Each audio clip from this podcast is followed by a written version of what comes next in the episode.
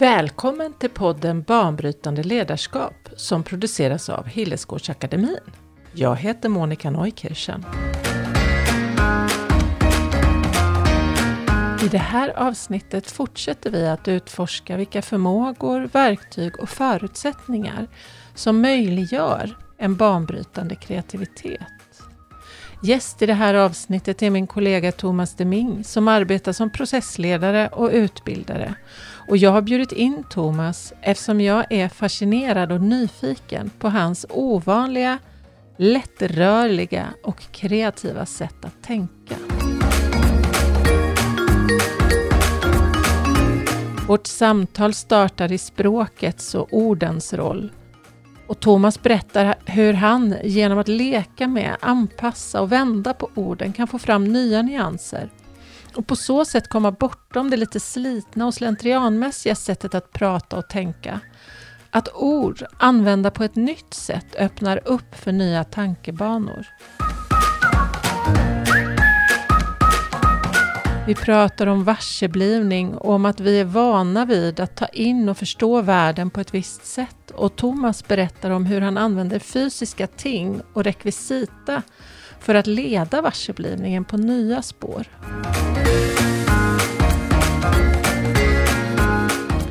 Blandat med exempel från flera av Thomas uppdrag talar vi också om hur man kan använda fysiska artefakter för att göra abstraktioner konkreta och hur Thomas med det han kallar MacGyverism kombinerar saker som redan finns för att skapa något nytt. Vi pratar också om några av alla de tankeverktyg som Thomas använder som stöd för att se bortom tankehorisonten. Thomas presenterar sig på sin LinkedIn-profil som en simplifier, synergizer och trailblazer. Vi börjar samtalet där. Det är väl en liten särskiljande, lekfull beskrivning av det som jag jobbar med hela mitt liv. Att förenkla saker, förstärka saker, och det gör man genom synergi. Men också göra, ge mod och metoder för att försöka. Så jag är för uh, att enkla, uh, stärka och söka. Mm. och då är det där ord som folk har använt för att beskriva mig, fast inte alla tre tillsammans. Mm. Så att eh, till exempel någon säger, ja, men du är en sån här simplifier, du, du letar alltid efter lätta lösningar. Inte simpla och inte krångliga. För det är ju en, en eh, smal gräns där att prata till exempel enkelska. Det är lätt att man pratar simplish eller krånglish. Just det. Men eh, kan man prata enkelska, då ligger man precis rätt. Och sen det här med Synergizer, det är att jag eh, har så himla många uppdrag där jag mm. ska locka fram mervärden av två koncept eller två människor eller vad det nu kan vara. Och Trailblazer, det, det var jag redan som liten, alltså när jag började årskurs ett och man hade roliga timmen på den tiden, jag är född 65, så här var ju början på 70-talet, då ändrade jag reglerna ganska snabbt till hur utbuad kan jag bli på kort tid. Istället det, för att försöka bli populär hela tiden. För att så att de där tre grejerna, det är liksom jag, att förenkla, mm. förstärka och försöka. Så trailblazer betyder ungefär som, det betyder ungefär banbrytande, ja. att bryta, eh, ja men normen mm. kanske. Ja. ja. Ja, Och det där tricket med att ändra reglerna.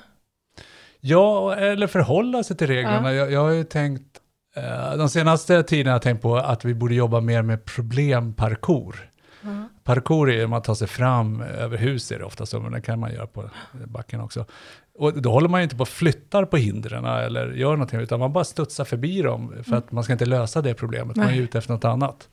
Och eh, trailblazing är ju väldigt mycket att eh, inte fastna i gamla normer eller eh, sanningar eller mm. frivetagande, utan man eh, är lite mer som en eh, mental parkourist.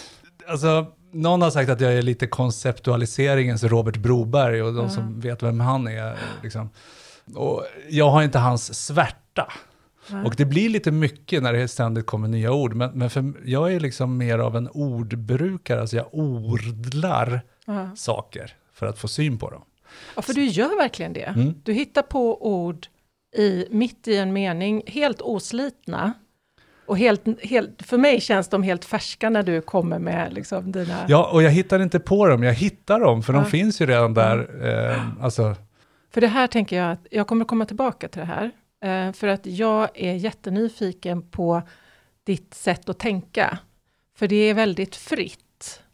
Eh, din hjärna verkar vara mer lättrörlig än typ alla andra jag känner. Ja, jag, jag, tror jag har kommit på att det kan finnas en uh, biologisk förklaring också. Ja. Vi har någonting som heter talamus, som, som är en funktion i hjärnan bland alla andra eh, liksom, center eller små delar, som har till uppgift att liksom, sortera intryck innan det skickas till sinnesintryck, men det kan komma inifrån också, innan det skickas till medvetandet. Och jag tror att jag har en väldigt slapp talamus. Eh, dubbelmening, dels är den inte så stel, liksom, så att den eh, eh, släpper igenom lite vad som... Jaha, oh, du kommer tänka på grekisk eh, sorbadans nu när vi pratar om om så att säga, lean och, och så här. Då har du eh, slunkit med Ja, det här, och, men den är inte bara slapp för att den är lite genomsläpplig, den är också lat. den orkar inte. Fan, är det här viktigt? Ja, jag skickar allt till medvetandet. Uh -huh. Och har man då eh, en förmåga att kombinera det här default mode som är liksom dagdröm med exekutiv funktion som verkar vara en annan, för jag verkar köra det samtidigt, så kan jag alltså vara extrem analytisk i min kreativitet. Och då, då blir jag ju fri förstås. Men det är lite genetiskt tror jag faktiskt. Men vi som inte har en sån här slapp eh, talamus. Nej, men ni får ju liksom äh, jobba lite med den. Ja få den att, att slappna av lite. Var ja. inte så, så, så spänd. Nej. Hur, hur, hur gör jag det liksom? Ja, jag, jag tänker till exempel att man kan um, sitta och titta på tv, och vad man nu gör det, eller på datorn om man tittar på något streamat. Och sen så uh, sitter man och funderar på vad som är utanför bild, som inte syns. Alltså, eh, det är nästan enklare om man tittar på en tavla bara, så här, som man fantiserar. Och då måste man ju börja ta in lite intryck och lite idéer. Och då måste tala om och säga, ja, ja okej, okay, jag släpper väl igenom när du var på det här museet där, artipelag då, okej okay då. Alltså, så, helt plötsligt så, så slappnar Talamos av lite grann, ska jag säga. Så att, så att eh, sitta och titta på något och tänka på vad som inte syns, då drar fantasin igång. Och kanske, kanske tänker jag att det är en träningssak. Man pratar ju ofta utanför boxen och utanför mm. liksom, tv-boxen. Mm. det är ju bokstavligen liksom, ja. att tänka, att träna ett annat sätt att tänka på. Så där, eh, ja, och det har väldigt mycket med vad du uppmärksammar. Vad du uppmärksammar, ja. Och sen, eh, jag använder ju orden, jag, jag kan ju sätta liksom en beskrivning. Jag tänker på att vi har motståndsrörelse, men vi skulle behöva en förståndsrörelse. Mm som är för att få saker till stånd. Mm. För eh, ett tag lekte jag med om det ska vara en mötståndsrörelse, mm. jag bara satte prickar på ja, oet. Ja. Och det är för att få möten till stånd mellan, ja. eh, så för att motverka polarisering till exempel. Ja. Det enda jag gör nu det är att jag sätter ett par prickar på ordet motstånd. Ja, fast det är det ju inte. Ja, på ett sätt är det ju det. Ja, egentligen är det ju, det, det, är det som är knepet ska jag säga. Ja, just det. Så, för att varje eh, ord, varje begrepp bär massa liksom, bagage av ja. associationer och sånt där. Varje mening innehåller ju väldigt mycket mening. Ja. Eh, och vi har alltid dubbelbetydelse. Är det ingen vits så är det ingen vits. Nej. Alltså all, allting är sådär. Så att, mm. eh, jag sitter inte och är så jävla kreativ, utan jag bara tänker, vad, häng, vad händer om man lägger på ett par prickar på motståndsrörelse? Just det. Jag, jag, kommer ju, jag härstammar ju från västkusten Eh, så jag är väldigt uppvuxen med eh, ordvits, alltså en, en humor som grundar sig i ordvitsar. Och då känner jag personer som lever sitt liv genom att vrida på saker, dela isär ord, göra de här dubbeltydningarna av, med syfte att det ska bli kul. Liksom. Mm. Det är lite samma sak. Samma metod ska jag väl säga ja, att det är. Um, Sen i början, ja, det här är ju många år sedan då, så blev jag lite sårad när folk säger, ja, är du en göteborgare ja, eller du är ordvitsare? Ja. Nej, jag är ordbrukare, jag ja, använder ord för att få syn på saker som annars kanske är, är dolda. Ja, Så att in, min intention är ju att använda det som, som en metodik, ett verktyg. Eh, men, men eh, om man tar till exempel en kombola, som jag hittar på. En tombola, det, det är ju, lägger massa lotter till exempel i en, och så snurrar det. Men du kan ju lika bra lägga foton på olika koncept, eller som Ja. representerar olika koncept. Ja. Eller så här. Och sen så tar du upp dem, ett, två stycken, och så kombinerar dem. Ja. Så får du en ny kombination. Eh, 1A i kreativitet. Mm. Så det betyder att om vi till exempel ska göra ett nytt gränssnitt, alltså eh, vad man möter som, när man går in på en hemsida, Mm. så, så lägger man foton på dörrhandtag, foton på en hissknapp, foton på, alltså massor med olika gränssnitt som vi har. Och sen så här, vad händer om vi kombinerar en dörrhandtag och en hissknapp? Mm. Vad, vad blir det liksom? Det blir ett, en, en eh, handtagsknapp. Ja, men jag är ju ute efter att till exempel, hur ska knapparna se ut på våran app? Som gör att eh, folk begriper hur den funkar direkt, att det är no- någon form som jag trycker på eller använder för att interagera med appen. Men jag vill att det ska kännas nytt eller fräscht eller annorlunda eller överraskande. Då tar jag alla massa olika exempel på knappar och tryck och, och, och sånt där som, som eh, eh finns. Och jag kanske kan snurra det i huvudet, men eh, är man flera stycken så kan man helt enkelt ta foton på dem, lägga dem i en hög och slumpmässigt plocka upp kombinationer för att se Ja, vad som funkar. Så att det är inget, det är liksom inget så här eh, konstigt, det är bara ett Nej. väldigt medvetet sätt att kombinera saker. Jag har då konceptualiserat det genom att säga att vi har ett tankeverktyg som vi kan kalla för en kombola. Så, så du sa tankeverktyg och så hör jag också att det är em, verktyg i idégenerering för att komma bortom det, det, de liksom upptrampade banorna. Men en knapp är en knapp. Eh, så ska vi hitta nya vägar så har du de här tankeverktygen. Mm. Och eh, eh, jag, jag började ju med att, beskriva, eller säga vad som står på din, på din LinkedIn-profil om dig. Men jag har också hört dig prata om dig själv som MacGyver. Och eh, Eller Mingiver brukar jag kalla det. Mingiver. Ja. Precis. Precis. Och eh, MacGyver då, Ja. var, det är ju en eh, tv-serie, vad var det? På 90-talet? ja, precis. Den, den finns fortfarande faktiskt Ja. med nya skådespelare. Så här, han hette, 80-talet nästan. Ja, exakt så. Och det, det är ju en, en godhjärtad agent som aldrig vill någon illa. Eh, Men den stora grejen med honom är att han kan använda det han redan har på nya sätt. Så han, han kan ju liksom vara inlåst i ett, inte vet jag, ett garage. Och han tar sig ut genom att göra en bomb av en kudde, en surströmmingsburk och en ventilgummi. Ja. Liksom, han, han är inte låst, han är vad jag ska säga, inte kater, kategorigid. Han är inte rigid i kategorier. Nej, nej. En stol är en stol, en tillgång, utan han inser att de har fler funktioner och kombinerar de här tre sakerna. Jag har aldrig provat att bygga en sån bomb, men, men då, får han fram funktioner mycket snabbare.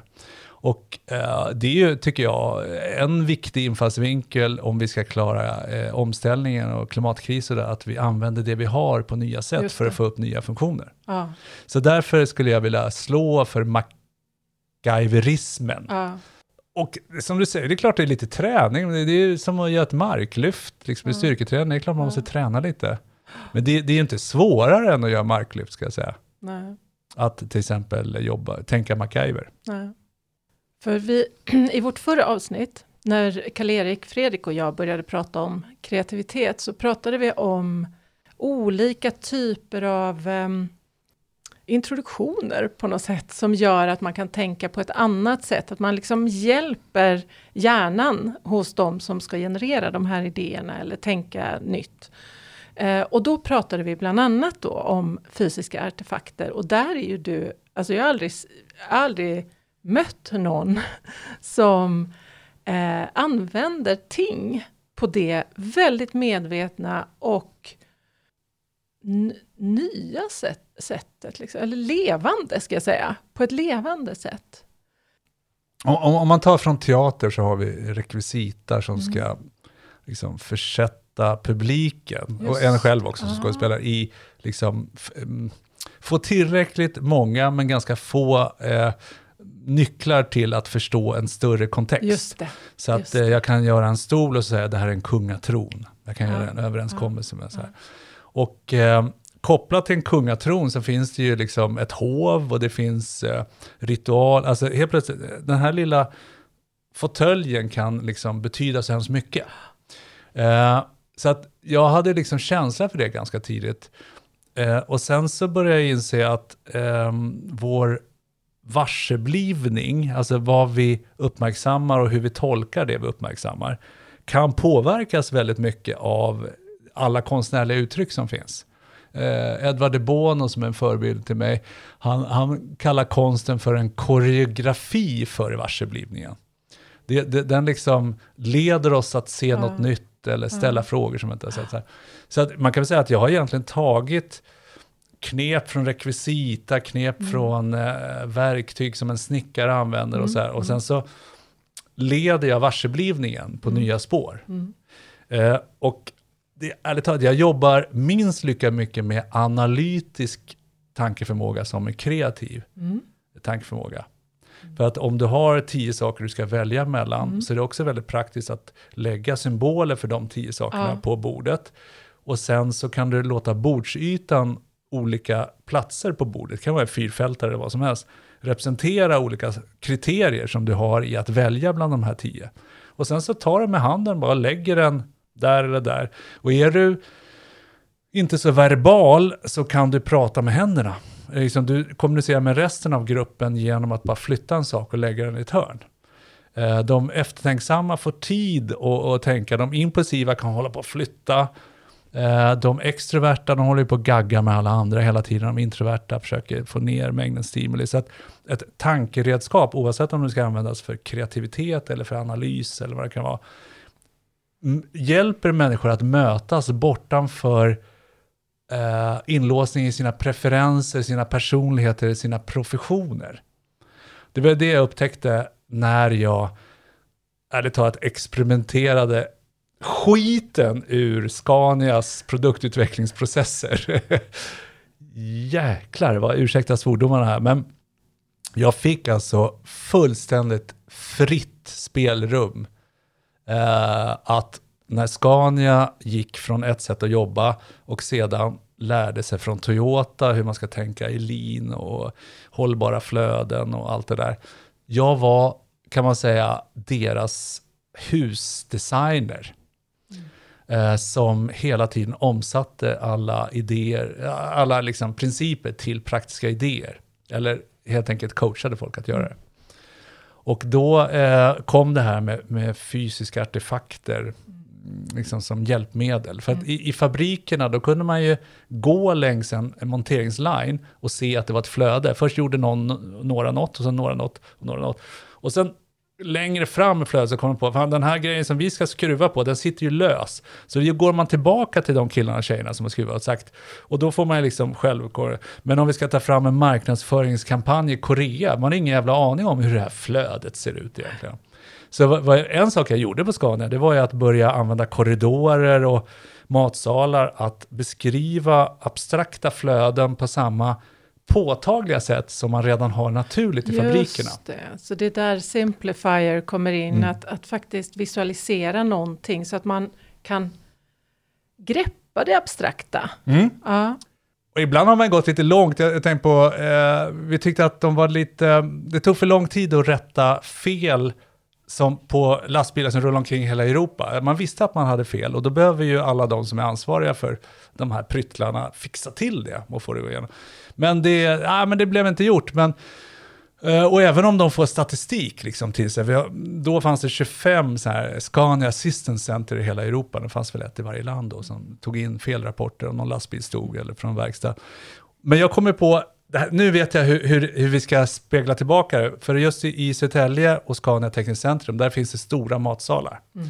Så jag tog en, den absolut största matsalen. Och sen så gjorde jag helt enkelt så, för varje lastbil som inte rullar i Europa, som borde rulla, så lyfte jag bort stolen från, så att de stod i högar nere i hörnet. Så att när, när alla gruppchefer och konstruktörer alla kom och skulle sätta sig och äta så gick det inte att sitta. Och då sa jag, nej det går ju inte för att de står ju still i, vi har ju jobb att göra. Vi kan inte hålla på och, liksom, det tar vi på nästa planeringsmöte där vi ska planera vilka möten vi ska planera. Du vet allt det här låtsasjobbet som pågår i alla större organisationer. Jag var ju inte populär, nej, det kan jag inte säga. Nej. Men budskapet, budskapet ja, precis. Och det enda jag gjorde där var att använda, gjorde MacGyver. Jag, jag bara översatte statistik som ingen brydde sig om mm. till någonting som påverkar människor i en situation där ja. de skulle sätta ja. sig ner. Ja. Det är nästan så att du gör eh, det du vill visa till en metafor som du översätter till det fysiska. Mm. Det är en jättebra beskrivning. Mm. Ja, men, men sen på Scania, jag är jag har försökt förklara efteråt varför jag hade så mycket fritt spelrum. Ja, ja. Och det beror på Kalle Wickholm som var ansvarig för produktutvecklingsprocessen som liksom förstod sådana här saker. Ja. Eh, och jag jobbade i praktiken till högsta ledningen, inte till vd men till vice vd. Eh, men vi kallar det för grey ops. En black ops, då går man in och, och har ihjäl någon oftast, eller någon så här agentserie och sånt där. Jaha. En grey op, alltså en, en grå operation, det är att påverka Jaha. hjärncellerna. Jaha. Black Ops, då är ja. det liksom James Bond som dödar någon. Ja. Grey Ops, det var liksom att påverka hjärncellerna, att kunna se saker på ett nytt sätt. Ja. Så att de, min formella titel var ju att jobba på en, en supportorganisation som hjälpte ja. till eh, att bygga upp projektkontoret och visualisera processer.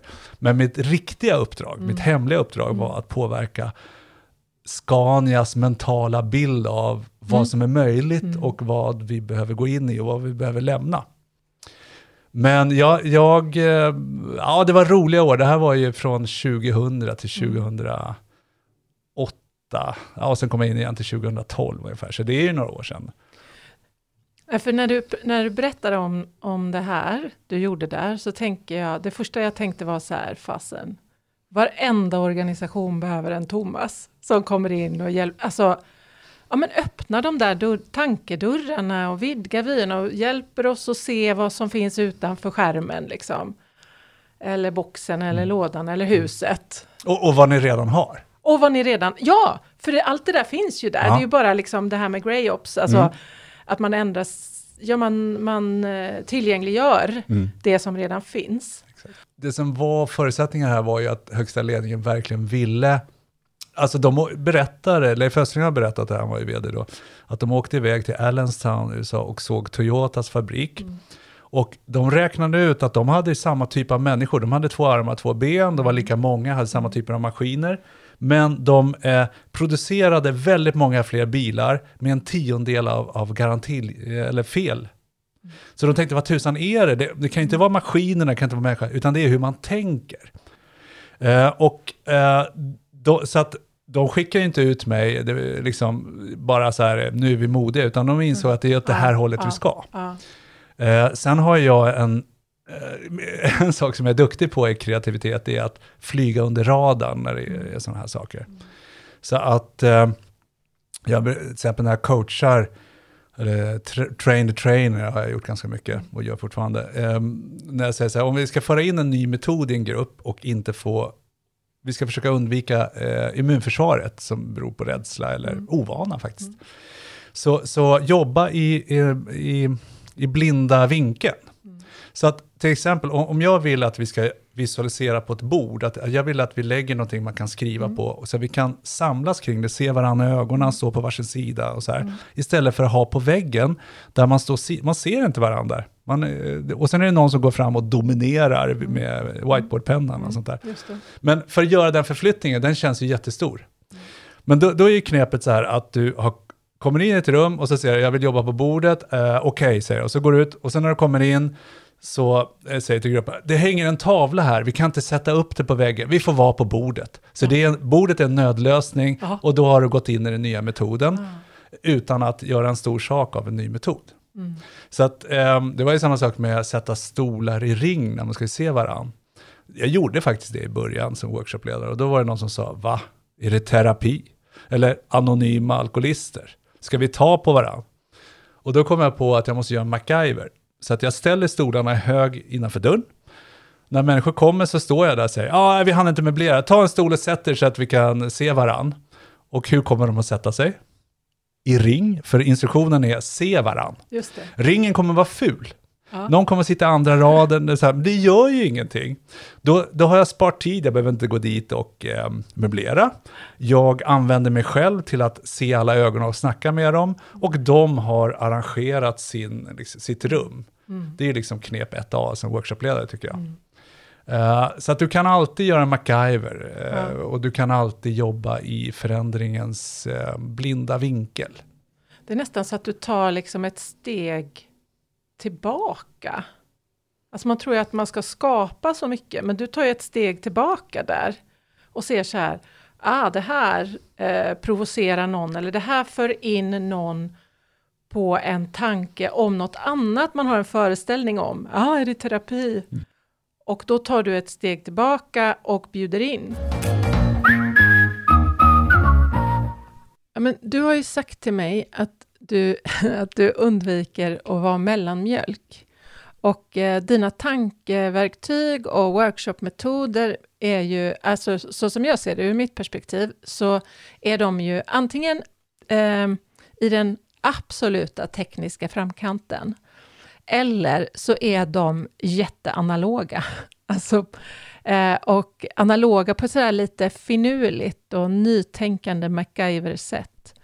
Så min fråga till dig Thomas är, måste allting vara cutting edge? Eller finns det också eh, alltså mycket förändringskraft att hämta i de där små insatserna och förändringarna? Jag är ju väldigt förtjust i de här små justeringarna. Jag har ju metaforer som, ska vi göra en boklöv? Det, det var ju han backhopparen som bara ja. vred ut skidorna mm. lite, så flög mm. han 30-40 meter mm. längre. Det är fortfarande skidor, det är fortfarande backe, det är samma mm. kläder liksom. Mm.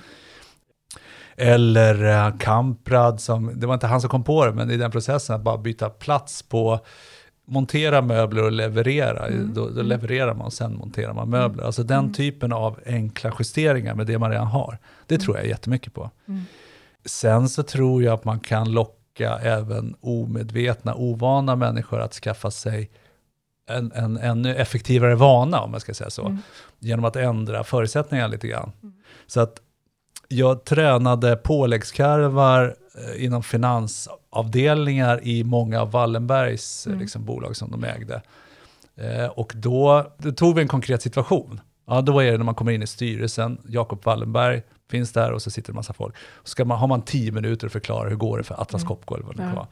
Och de, många vet att det tar fyra minuter innan någon avbryter och tar över och du får inte fram ditt budskap. Och så här. så att, um, jag tänkte, hur ska jag träna dem i, i det? Liksom, ja. att, att, kunna in, gå in i en miljö som de inte riktigt kontrollerar. Men då, då, gjorde vi så att först byggde vi en kopia av hur styrelserummet ser ut, alltså en, en replika. Det är 22 stolar och sådär. Mm. Sen bad jag dem bygga hur det kändes att gå in där. Mm. Och då kom ju Jakob Wallenberg på en fyra meters hög stol, de var en mm. liten trädocka. Mm. Okej, det här är vad vi har att spela med mm. känslomässigt. Mm. Vad kan vi göra?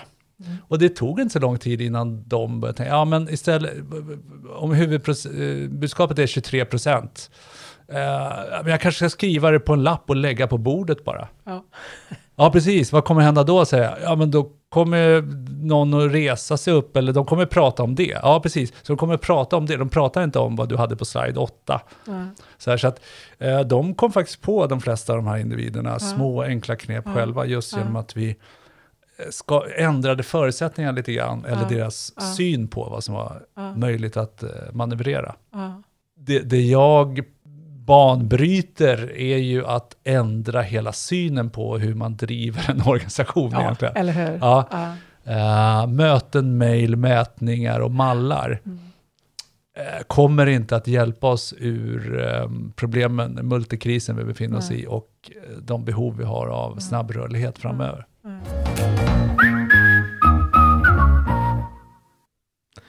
Ja, men jag bjöd ju in dig hit till, den här, till det här samtalet för att jag är nyfiken på ditt sätt att tänka. Och för jag tycker att det är, väldigt, det är ett ganska ovanligt sätt att tänka. Du är väldigt snabb, eh, du har väldigt mycket idéer och idéerna kommer väldigt snabbt. Eh, och många skulle nog beskriva dig som ovanligt nytänkande. Hur, eh, hur är det? Liksom? Hänger folk med? Eller känner du dig ibland missförstådd? Eller att människor liksom inte ja, förstår vad du kan bidra med? Jag, jag, jag, tror, jag kommer att känna mig mindre och mindre missförstådd. Mm. Eh, men det är faktiskt min älskade fru som hjälper mig att, att förstå att man kan inte se det jag ser om man inte får en introduktion först. Mm. Eller har tänkt tanken. Mm. Så att, eh, och då säger man någonting och då menar man ofta inte något illa. Alltså jag lite, har varit allergisk mot att man säger, ja men det var ju annorlunda. Just det när jag vill att de ska säga, fan vad effektivt, mm. på mm. halva tiden fick det dubbla effekten. Men då säger man att det var annorlunda. Wow. Och, det, och det är det ju möjligtvis. Mm. Uh, och sen är det ju det också vad man jämför sig med och uh, tänka sig nytänkande. Jag har sagt till dig vid något tillfälle att jag, jag vet ju att det är ett hundratal, i, i varje domän som jag kombinerar, så har jag ju hundratusen, alltså hundra eller tusen ännu fler, som är mm. bättre än vad jag är på vad som helst. Utan det är ju bara det att jag kombinerar mm. Men det är klart jag tittar upp mm. och framförallt så rör sig min, mitt sökar... Mm. Rangemaker heter ju mitt och Madeleines mm. liksom, gemensamma barn som varumärke. Och det är ju en, en tydliggörande att det är inte change making som vi egentligen behöver. Mm. Utan det är att få en, en, läng, en tänka bortom, komma längre, räcka hela vägen. Alltså mm. omfång, räckvidd. Just det eh, se bortanför tankehorisonten. Mm. Eh, se bortanför händelsehorisonten, mm. om man ska använda en mm. science fiction. Men alltså, vad kommer att hända om de här fyra sakerna slår in samtidigt? Ja. Och då kan man börja förbereda sig för det. det. Nu har ju liksom den här eh, ovädret Hans, mm. himla festligt namn, eh, det är många som heter Hans också. så ja. eh, folk bara så här förvånade, nu har vi ingen väg. Mm. Nej, men det blir ju så. Ja. Alltså, om det ja. blir sånt här väder. Ja. Ni har byggt lite så. För att ni har inte, kan man inte träffas i Folkets hus i eh, Örkelblä, eller vad det nu heter. Och sen så har vi ett framtidslive. Mm. Eh, vi har tittat på lite fakta. Mm. Eh, och nu kan de här sakerna hända eh, mellan 1 till 15 eh, år framåt. Mm. Vad gör vi idag för att inte råka illa ut om mm. det händer? Mm. Du nämnde ju Framtidslive. Eh, och det är ett format som du har skapat och som jag är väldigt förtjust i, för det är så kraftfullt. Och jag tänkte vi kan bara beskriva lite grann vad det är. För ett live, det har ju inte du hittat på, men det är ju att man försätter sig i en annan tid eller eh, i en annan kontext och så agerar man i den föreställda verkligheten.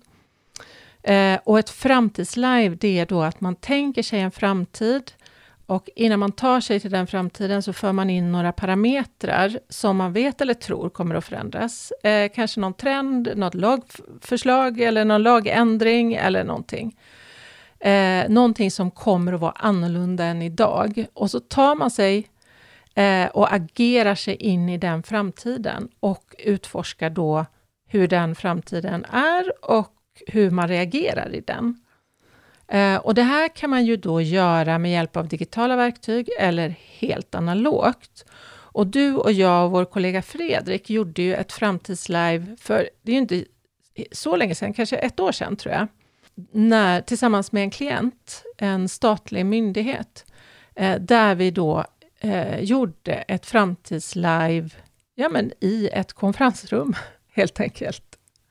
Eh, så att man kan ju göra det där som du pratade om med liksom, ja, vad händer i en stad om, eh, om det blir fler störtregn och torka och vad det kan vara.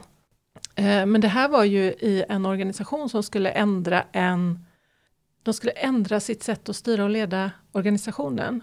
Och det var en ganska stor förvirring. Så här, hur, vad händer då? Vad, hur blir det då?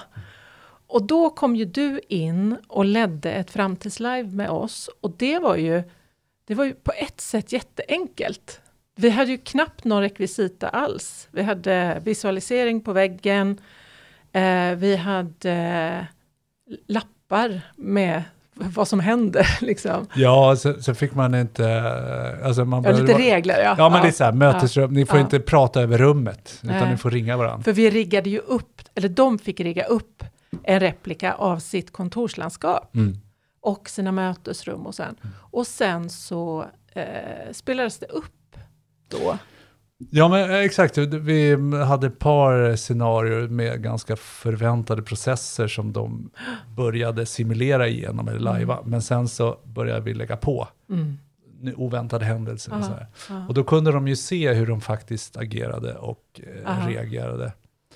Eh, det var ganska roligt när alla helt plötsligt är på stormöte. Och då eh, är det folk som börjar kidnappa det mötet ja. och ta sina frågor när man äntligen har folk eh, liksom samlade. Och, så ja, ja. och just det som du och Fredrik så snyggt liksom la in där också, att efter vi har kört det här livet, levt oss in i ett antal saker, då satte sig du och kanske några av deltagarna och körde en sån här fiskskål eller mm, en, mm, akvarium mm. och reflekterade högt om mm. saker som vi hade sett och inte sett. Jo, precis, vi hade ju några observatörer. Ja, så Fredrik och jag och två så från dem var observatörer. Och vi hade olika roller som vi observerade. Ja, så vi fyra satte oss och ja reflektera. Ja, mm. Eh, och eh, ska man konkretisera något som ännu inte finns så att man redan nu kan korrigera, justera mm. baserat på mer verklig mm. liksom, data, mm. så, så är den här typen av framtidslive mm. otroligt effektivt. Mm. Sen är det kreativitet att göra det så enkelt som möjligt. Ja, och det var ju förberedelse för det och du, du är ju så slipad i att leda det där. Men för deltagarna så tog det ju en halv dag. Mm. Och sen levde de vidare med de här reflektionerna. Så det gjorde ju väldigt stor skillnad, mm. det där livet. Så att, eh, vilka förutsättningar behöver vi skapa för att få en miljö och en atmosfär där människor har så goda förutsättningar som möjligt att vara kreativa? Ja, alltså en, en intressant fråga är begreppet safe space för att vara kreativ. Um, Adam Grant heter han, som är lite kändis på liksom, psykologi. Så han säger att nej, det är inte safe space. För då utgår vi från att människor är offer och känsliga och mm. sånt där. Mm. Men däremot behöver vi en psykologisk trygghet. Mm. Och då behöver vi troligtvis hitta knep. Eh, det här som jag säger nu vet jag inte om han har sagt, men, men det är min reflektion. Att eh, så att säga, ge vårt entourage i vårt andra jobb, som Robert Keegan han talar ju om, quit your second job, ja, att, att vi, det är våra, hur vi framstår för andra som ja. vi lägger så mycket tid på. Ja. Och då kan jag tänka mig att där har man ju jobbarkompisar i sitt andra jobb. Man mm. har eh, den inre kritiken, ja. man har stylisten, man har karriärcoachen, man har säkerhetsrådgivaren. Kommentatorn. Ja, precis. Man har en himla massa folk anställda där. Så, precis. Så, och eh, de jag tycker att en till exempel inre kritiker, när den är konstruktiv, man vill ju ha alla de här, ja, ja. men de ska liksom inte jobba med, med att man ska bli osäker när det kommer något nytt. Mm. Så att jag tror inte vi riktigt ska sträva efter safe spaces. Mots, vad, vad, vad, är det, vad ska det heta då egentligen? Uh, det, det är ett utrymme där uh, man, man, känner sig trygg förstås. Men det är ju inget så här um, safe room eller så här i, i um, hus, det är ju där du gömmer dig. Ja, ja men verkligen. Vi, vi, pratar ju om kreativitetskupol mm. som, eh, som ett alternativ till liksom, safe space då, men det ska vara en avsatt plats liksom, där man strävar efter att tänka på ett nytt sätt och där man kanske lämnar, eller inte kanske, utan där man lämnar vissa saker utanför och där man skapar en miljö som är trygg mm. och eh, släpper sina liksom, egna agendor och de här inre kritikerna och det, om man kallar det för egot, så får man släppa så mycket man kan av det. För det är inte gynnsamt liksom, i en sån process, för att då, då, är det väl, då blir det väldigt rädslostyrt och man, då fastnar man. Liksom. Mm. Ja, men jag, jag, för jag, jag kommer på att en, en ny roll som jag kanske ska jobba med. Eh, man vill ju att det ska vara krispigt att använda det. Mm. Och då tänkte jag att man skulle behöva ofta i många möten en crisp jockey. En diskjockey, det är ju så här som spelar musik för att komma i stämning. Mm. Men en crisp jockey, mm. det är ju mm. någon som hjälper oss att hålla krispet, mm. utmanar mm. oss och, och, och, vi känner oss lite smarta och lite sånt där. Och då är det ju en krispendom, det är en hel religion, men det, det istället ja. för kupol. Ja. Och själv ska, tänkte jag bli... Ja, ja, och jag tänkte bli krispus. Det, när, det, när det sen bara eskalerar och folk följer kalibassen. Ja, precis. Men det, det är ju samma idé som du har. Ja. Egentligen så lyssnade jag på ert poddavsnitt och sen insåg jag att det stämde med min idé om, om dom ja, egentligen snarare. Ja, ja, men verkligen. Det är ju samma form till och med. Men du, när du säger det där så, är, så tror jag att du är min krispjockey. Ja men tack, ja, ja. men det, det, ja. jag, jag vill, det vill jag gärna vara, ja. att folk ska känna sig krispiga. Vad, du, vad kan du ge för råd eh, till våra lyssnare? Skaffa dig en motpolare, eller flera. En motpolare vill dig väl och har dessutom en annan bakgrund eller ett annat perspektiv eller en annan personlighet. Så är du analytisk så är den kreativ. Är du ordlig så är den handlingsinriktad. Är du ung så är den äldre eller tvärtom. Alltså någon som kompletterar dig. Så att skapa konstellationer av motpolare. Jag, har till och med föreslagit att ISO-standarder och sån här due diligence när man ska bedöma, ska vi investera i det här bolaget? Har de eller har de förmåga att snabbt skaffa sig konstellationer av motpolare, då tror jag på det. Att ha liksom ett motpolarnyckeltal? Liksom. Ja, exakt ja. så. Eh, för det är ju ett av de enklaste sätten att eh, vidga antalet idéer eh, och täcka upp en större liksom, eh, eh, analysrymd, eller man ska säga, möjlighetsrymd också. Mm. Och sen så tror jag eh, att lätta på bagaget, alltså att, jag har sagt det någon gång, eller säger det fortfarande, att det är lättare att expandera om man minskar i omfång. Man kan tänk, täcka en större, större område, både tänk, tankemässigt men också marknadsmässigt, vad det nu kan vara, om du inte har så mycket byråkrati, processer, policies och sådär.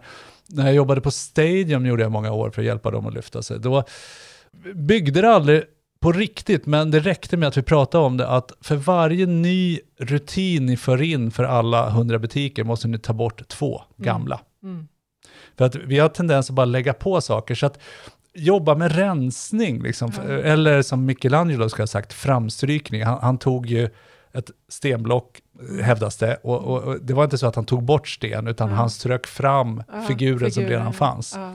Så att um, framstrykning, motpolare, och sen så eh, bygg en kombola. Mm. Ta, ta, eh, alla era pentrys eller alla, mm. liksom, alla era mötesrum. Eh, ha en skål, skriv kombola på den. Sen ja. vad det är man kombinerar där, det, det spelar inte så stor roll. Ja. Så kommer... Eh, För att träna lite? Ja, där, liksom. det, det är ju en sån här eh, kreativitetsträning. Hur skulle eh, Pippi Långstrump Mm. Formulera problemet. Vad, vad, skulle hon tycka var krångligt med det här? Ja, hur skulle Dalai Lama, vad skulle han tycka är krångligt? Ja, om de två skulle lösa problemet tillsammans, hur skulle de? Mm. Alltså inlevelse ja. i, um, i det här fallet, en fiktiv och en äkta ja. karaktär. Ja. Uh, men så att uh, i kombolan kan du ju ha vad som helst. Motpolare, uh, framstrykning och kombola, det är mina tre tips som jag kom på just nu. Alltså tack så jättemycket för det här samtalet. Mm, tack ja. själv. Ja. Tack själv. Tack.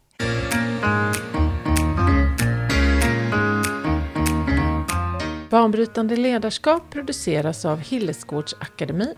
På www.hillesgardsakademin.se hittar du fler poddavsnitt och där hittar du också mer information om ledarskapsprogrammet Banbrytande ledarskap och om våra konsulttjänster i Imago banbrytande verksamhetsutveckling. Välkommen!